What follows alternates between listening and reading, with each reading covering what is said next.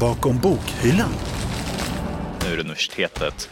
Här ska det vara akademiskt, det ska vara korrekt och allting ska vara jättefint skrivet. Ett sätt att tänka på en kurs behöver inte vara någonting som eh, eh, värdesätts på en annan kurs. Eh, så komplicerat är livet och så komplicerat är definitivt eh, den akademiska världen. Viktigt att, att inte tänka att så länge det är krångligt är det bra, för så länge det är krångligt är det inte bra.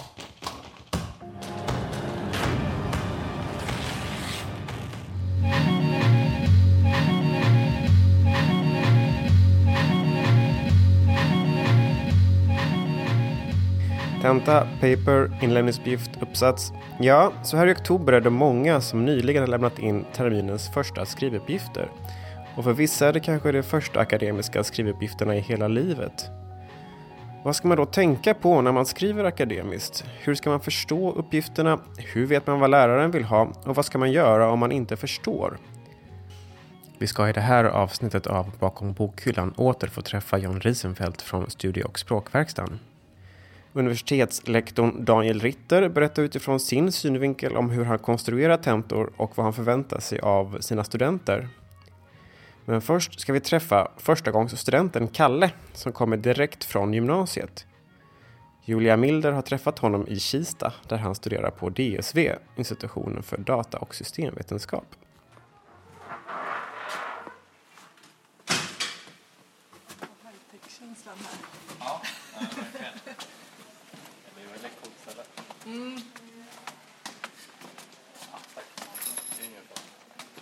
Eh, jag heter Karl Gustafsson, eh, kallas Kalle. Jag läser eh, kandidatprogrammet i eh, datavetenskap. Jag älskar programmering. Jag hittade programmering väldigt tidigt och jag beställde, bestämde mig väldigt snabbt i gymnasiet att jag ska gå i programmering, bli programmerare. Så det här kändes ganska naturligt för mig. Och när det gäller då inlämningsuppgifter och sånt där, har ni haft någon sån hittills? Ja, vi hade två inlämningar eh, förra fredagen och eh, inom eh, delkursen människa och datainteraktion. Det handlade om ja, lite designbegrepp och sånt. Det var en gruppinlämning så vi var fyra personer som skrev på den här. Och det gick bra, det var väldigt stressigt mot slutet. Vi fick det stod att vi skulle vara klara med fem sidor, vi fick ner det till snarare 20 sidor. Eh, och man vet aldrig när, hur bra det ska vara och så, man är, blir väldigt nervös eftersom vi inte fått något sånt här rättat innan. Eh, hur hårda de är på svenskan och sådär. Så det är lite pirrigt. Någon som vet hur man ska skriva akademiskt är John Riesenfeldt som jobbar på Studie och språkverkstan på Stockholms universitet. Han har hunnit byta efternamn sen vi spelade in vårt förra avsnitt. I det kunde du lyssna på hans tips gällande studieteknik och hur man ska göra för att lyckas med själva läsandet. När det kommer till skrivandet har han också tips. Eh, jag tycker att det viktigaste är att man ser till att man har förstått instruktionerna. Eh, det är någonting som jag och mina kollegor trycker väldigt mycket på. Att det kan vara så att man tror att man har förstått och så skriver man någonting som kanske i sig är bra men det var inte det som efterfrågades och då kan det faktiskt vara så att man inte eh, får godkänt. Eh, så att just se till att man förstår instruktionerna och att man då också ser till att man gör allting som man förväntas göra. Och också hålla sig innanför ramarna. Skriv inte för lite, skriv inte för mycket. Glöm inte att använda den litteraturen som du måste använda. Så sammanfattningsvis, håll dig till ramarna skulle jag säga. Ja, att förstå instruktionerna är såklart viktigt, men det är ibland lättare sagt än gjort. Det finns en mängd olika ord och frågor som kräver att man tar sig an uppgiften på olika sätt. Hur vet man då vad läraren menar och hur ska man lösa uppgiften? Det finns ju väldigt många olika ord eller verb snarare som, som kan indikera vad man ska göra i en fråga. Redogöra är som sagt vanligt. Det handlar om att man ska beskriva någonting. Jämföra är vanligt, vilket handlar om att man ska se likheter och skillnader mellan ja, två teorier kanske. Analysera är vanligt, vilket handlar om att bryta upp någonting i mindre bitar och förstå dem för att förstå helheten. och diskutera är väldigt vanligt. Vilket handlar om att kanske argumentera för och emot någonting, se för och nackdelar, vrida och vända på någonting och så vidare. Men, men det där är lite en konst faktiskt att, att förstå och problemet också med de här orden är att de kan betyda lite olika saker i olika sammanhang och lärare använder inte alltid de här orden på precis samma sätt. De kan skriva att de vill ha någonting specifikt, att de vill ha en, en jämförelse men de kanske också vill ha en diskussion lite sådär implicit. Mm. Eh, är man ny student, man kanske kommer direkt från gymnasiet så kan det vara väldigt svårt att eh, läsa det här för att det står inte riktigt utskrivet. Och det man behöver göra då är att man behöver titta på vad finns det för betygskriterier till den här uppgiften? För där får man eh, mer information om vad lärare förväntar sig att man ska göra. Och där kan man se att jaha, det krävdes en diskussion men det stod inte riktigt uttryckt i frågan. Bakom bokhyllan. Allt utom boktips. Daniel Ritt heter jag. Jag är lektor på eh, sociologiska institutionen. Om studenten har missförstått vad jag menade med frågan, och det, det kan ju såklart hända, men ändå på något sätt har besvarat frågan så som de själva har förstått den på ett sätt som visar att de har uppnått lärandemålen. Det är väl osannolikt att man då skulle få högsta betyg på tentan men eh, behöver absolut inte bli ett underkänt betyg. Eh, jag utformar mina tentor så att eh, studenterna har ganska mycket frihet när det gäller att tolka eh, vad jag har menat och vad som kan menas med, eh, med de eh, begrepp och idéer som jag vill åt på tentan. Eh, när man skapar en tenta, hur resonerar man då? Eh, funderar man liksom på att det ska vara liksom polisuppgifter, att nu ska vi ta reda på att studenten har läst eller det resonemanget eller vad är det liksom, hur tänker man just när man ställer frågorna? För mig så är det viktigt att utgå från lärandemålen på kursen. Att ha tydligt i mitt eget huvud vad studenterna förväntas ta med sig efter att de har genomgått kursen. Och så bygger jag tentan utifrån det. I mitt eget fall så handlar det ganska mycket om eh, förmågan att eh, analysera, förmågan att applicera det som man har lärt sig på kursen. Jag använder mig av hemtentor i stort sett eh, uteslutande. Tanken bakom det är att en hemtenta blir på något sätt en ytterligare möjlighet för studenten att lära sig någonting. För mig är det inte så viktigt på vilket sätt studenten tar till sig informationen så länge som studenten tar till sig den information som de behöver kunna.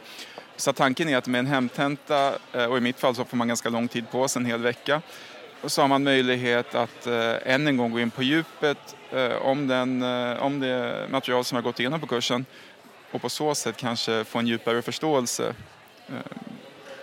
för kursinnehållet.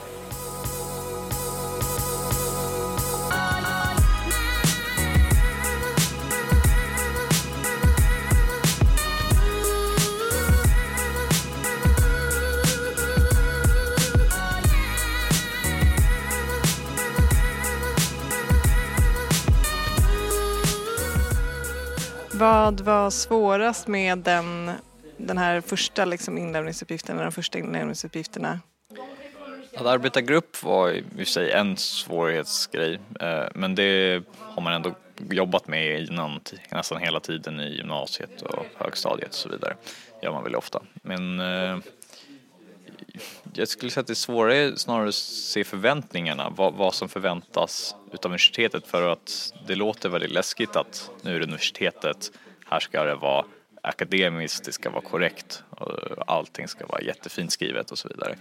Eh, så man får en väldigt, jag fick en viss press på mig där liksom. Eh, men eh, de har inte bedömt oss än, så väntar och ser. Ja, det är nog många som tycker att akademiskt språk känns lite invecklat och krångligt. Vad säger John på Studie och språkverkstan? Många krånglar ibland till det lite i onödan för att de tänker att det ska vara så, för att det är så de upplever sin litteratur kanske. Men, men där handlar det igen om att vara så tydlig som möjligt. Och sen är det såklart så att man kan inte använda samma språk som man gör när man skriver eh, sms till sina kompisar eller på sociala medier och sådär. Eh, utan man måste veta vad det är man behöver gå in på i detalj och precisera och när man behöver använda specifika ämnesspecifika termer kanske för någonting. Eh, för det är också så att när man skriver en text måste man ju alltid fundera på vem eller vilka som är textens mottagare. Och när man skriver saker och ting på universitetet så är det kanske medstudenter eller lärare eller andra forskare som är mottagarna och då kan man förvänta sig att de har en annan kunskap än vad gemene man har. Ehm, men det är viktigt att inte hamna i det där att man skriver krångligt för att man tänker att det är det som är bra. Ehm, utan man ska vara tydlig och det innebär ibland att man behöver använda ämnesspecifika termer. Man behöver vara väldigt precis i vissa sammanhang. Och det kanske kan upplevas som krångligt för en person som inte är så insatt. Ehm, men viktigt att, att inte tänka att så länge det är krångligt är det bra. För så länge det är krångligt är det inte bra faktiskt. Utan det är återigen det är den där tydligheten som, som man vill åt. Ett annat sätt att krångla till det för sig är att skriva för långt och för grunt. När jag träffar Daniel Ritter på ett café på campus lyfter han fram det som det vanligaste misstaget han ser när han rättar tentor. Han säger att det är viktigt att kunna sålla bland informationen och bara använda det som är relevant. Om man verkligen vill lyckas med en skrivuppgift, då ska man dessutom vara konstruktiv och inte bara använda och utmana tidigare forskning, utan även komma med egna idéer. Det vanligaste misstaget är väl att man eh, kanske på något sätt är van vid eh, hur det gick till på gymnasiet och så vill man spotta ur sig så mycket information som möjligt. Eh, det jag försöker få studenterna att förstå det är att ehm, en viktig del av akademiskt tänkande är att kunna urskilja det som är viktigt och det som är relevant från det som inte är det.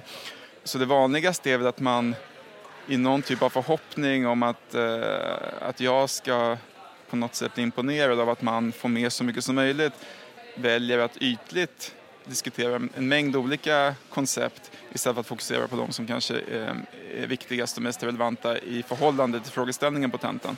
Så det är väl det vanligaste, eh, det vanligaste misstaget och för mig ett mycket allvarligare misstag än att kanske missförstå något begrepp här och där. Det är, det är sånt som händer, det, det kan jag överseende med. Men, men ehm, just den här förmågan att kunna förstå materialet på en så pass djup nivå att man kan inse om det är applicerbart eller inte. Eh, det är väl ett ganska vanligt misstag att man inte lyckas med det. Det är väldigt enkelt att, att, vara, att ha någon typ av negativ inställning till existerande kunskap och försöka hitta hål i existerande begrepp eller existerande forskning. Det som är lite mer invecklat och det som är mycket mer eh, konstruktivt och användbart är om man kan istället eh, använda sig av tillkortakommanden i olika idéer för att sedan bygga på dem och, och, komma med något nytt, någonting som kan ta oss vidare. Jag vill inte att studenterna bara ska vara liksom, kritiskt inställda på det sättet man är negativ och ifrågasättande utan man istället försöker komma med någon typ av lösning eh, som, eh, som kan gynna oss alla i det långa loppet. Och det är det jag helst av allt eh, vill se i tentorna och det, det ligger på en ganska hög nivå. Det är ingenting som jag eh, förväntar mig att alla studenter efter en, en del kurs ska ha fått med sig. Men, men eh, jag vill ändå att liksom ska, vi ska vara på väg åt det hållet. Så tänker jag.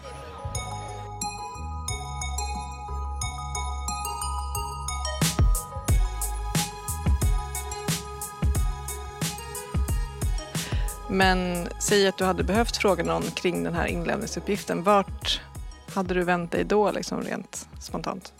Eh, vi har haft några handledningstimmar eh, vissa dagar. Då eh, så kan man gå in på en hemsida och skriva upp sig på ett handledningsschema och då kommer det en person som är på något sätt kopplad till den här kursen som man kan ställa frågor till. Så det måste inte vara de som föreläser just utan det kan vara någon annan också som jag har förstått det. Och de kan man fråga om hjälp. Och vi gjorde det flera gånger för att vi var osäkra om väldigt många saker. Eh, och eh, ibland så hjälpte det inte alltid för att föreläsarna säger lite olika saker och det var just någon begrepp som någon person kom och sa som gjorde oss bara väldigt mycket mer förvirrande. Som gav oss en annan beskrivning på det. Och vissa säger att man ska göra på det här sättet och inte. Och det, det man måste liksom lite filtrera bort vad, vad, vad är det de vill ha och inte. Det kan vara ganska svårt att veta märkte jag.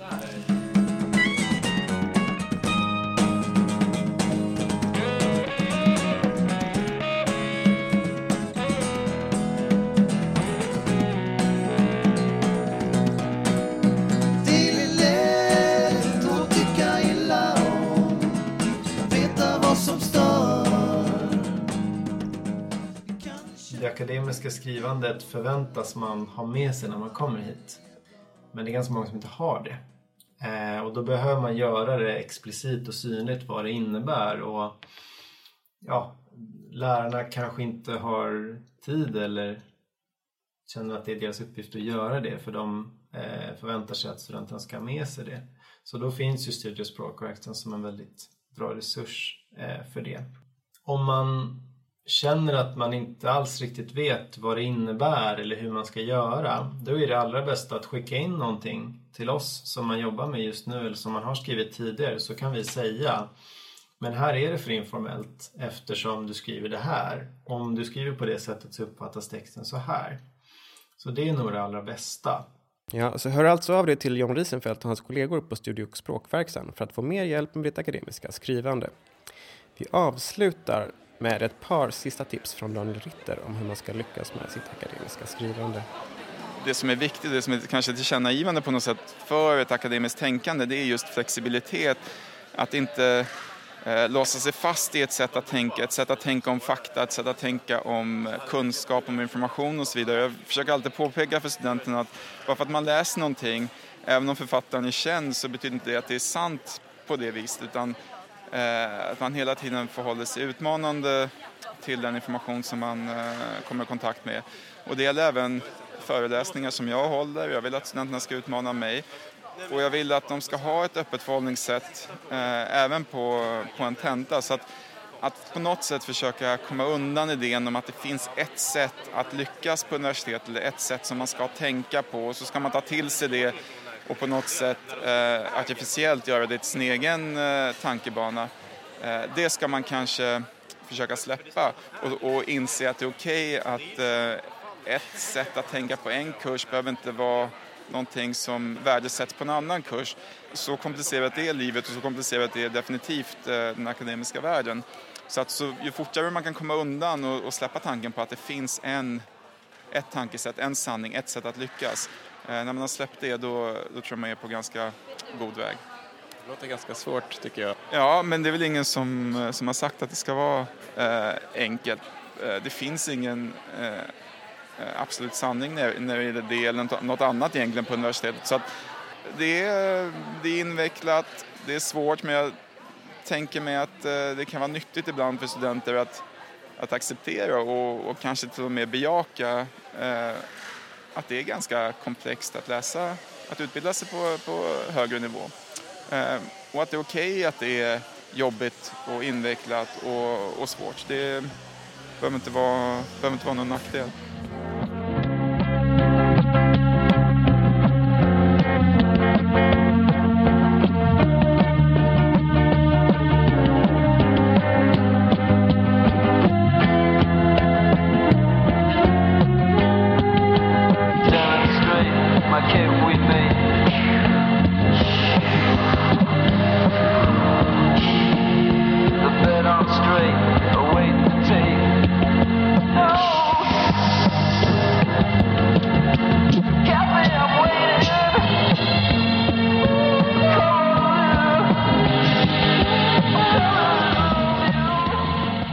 Du har lyssnat på fjärde avsnittet av Stockholms universitetsbiblioteks podd Bakom bokhyllan.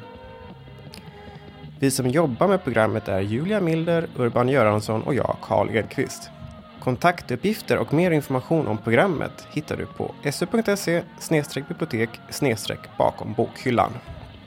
Programsignaturen Die Zeitung är komponerad av tonsättaren Stefan Levin. All övrig musik i programmet är licensierad som Creative Commons och låtlistor hittar du på vår hemsida. Om två veckor kommer nästa podd och då får du veta mer om Creative Commons för då ska det handla om öppen vetenskap. Vi ses då!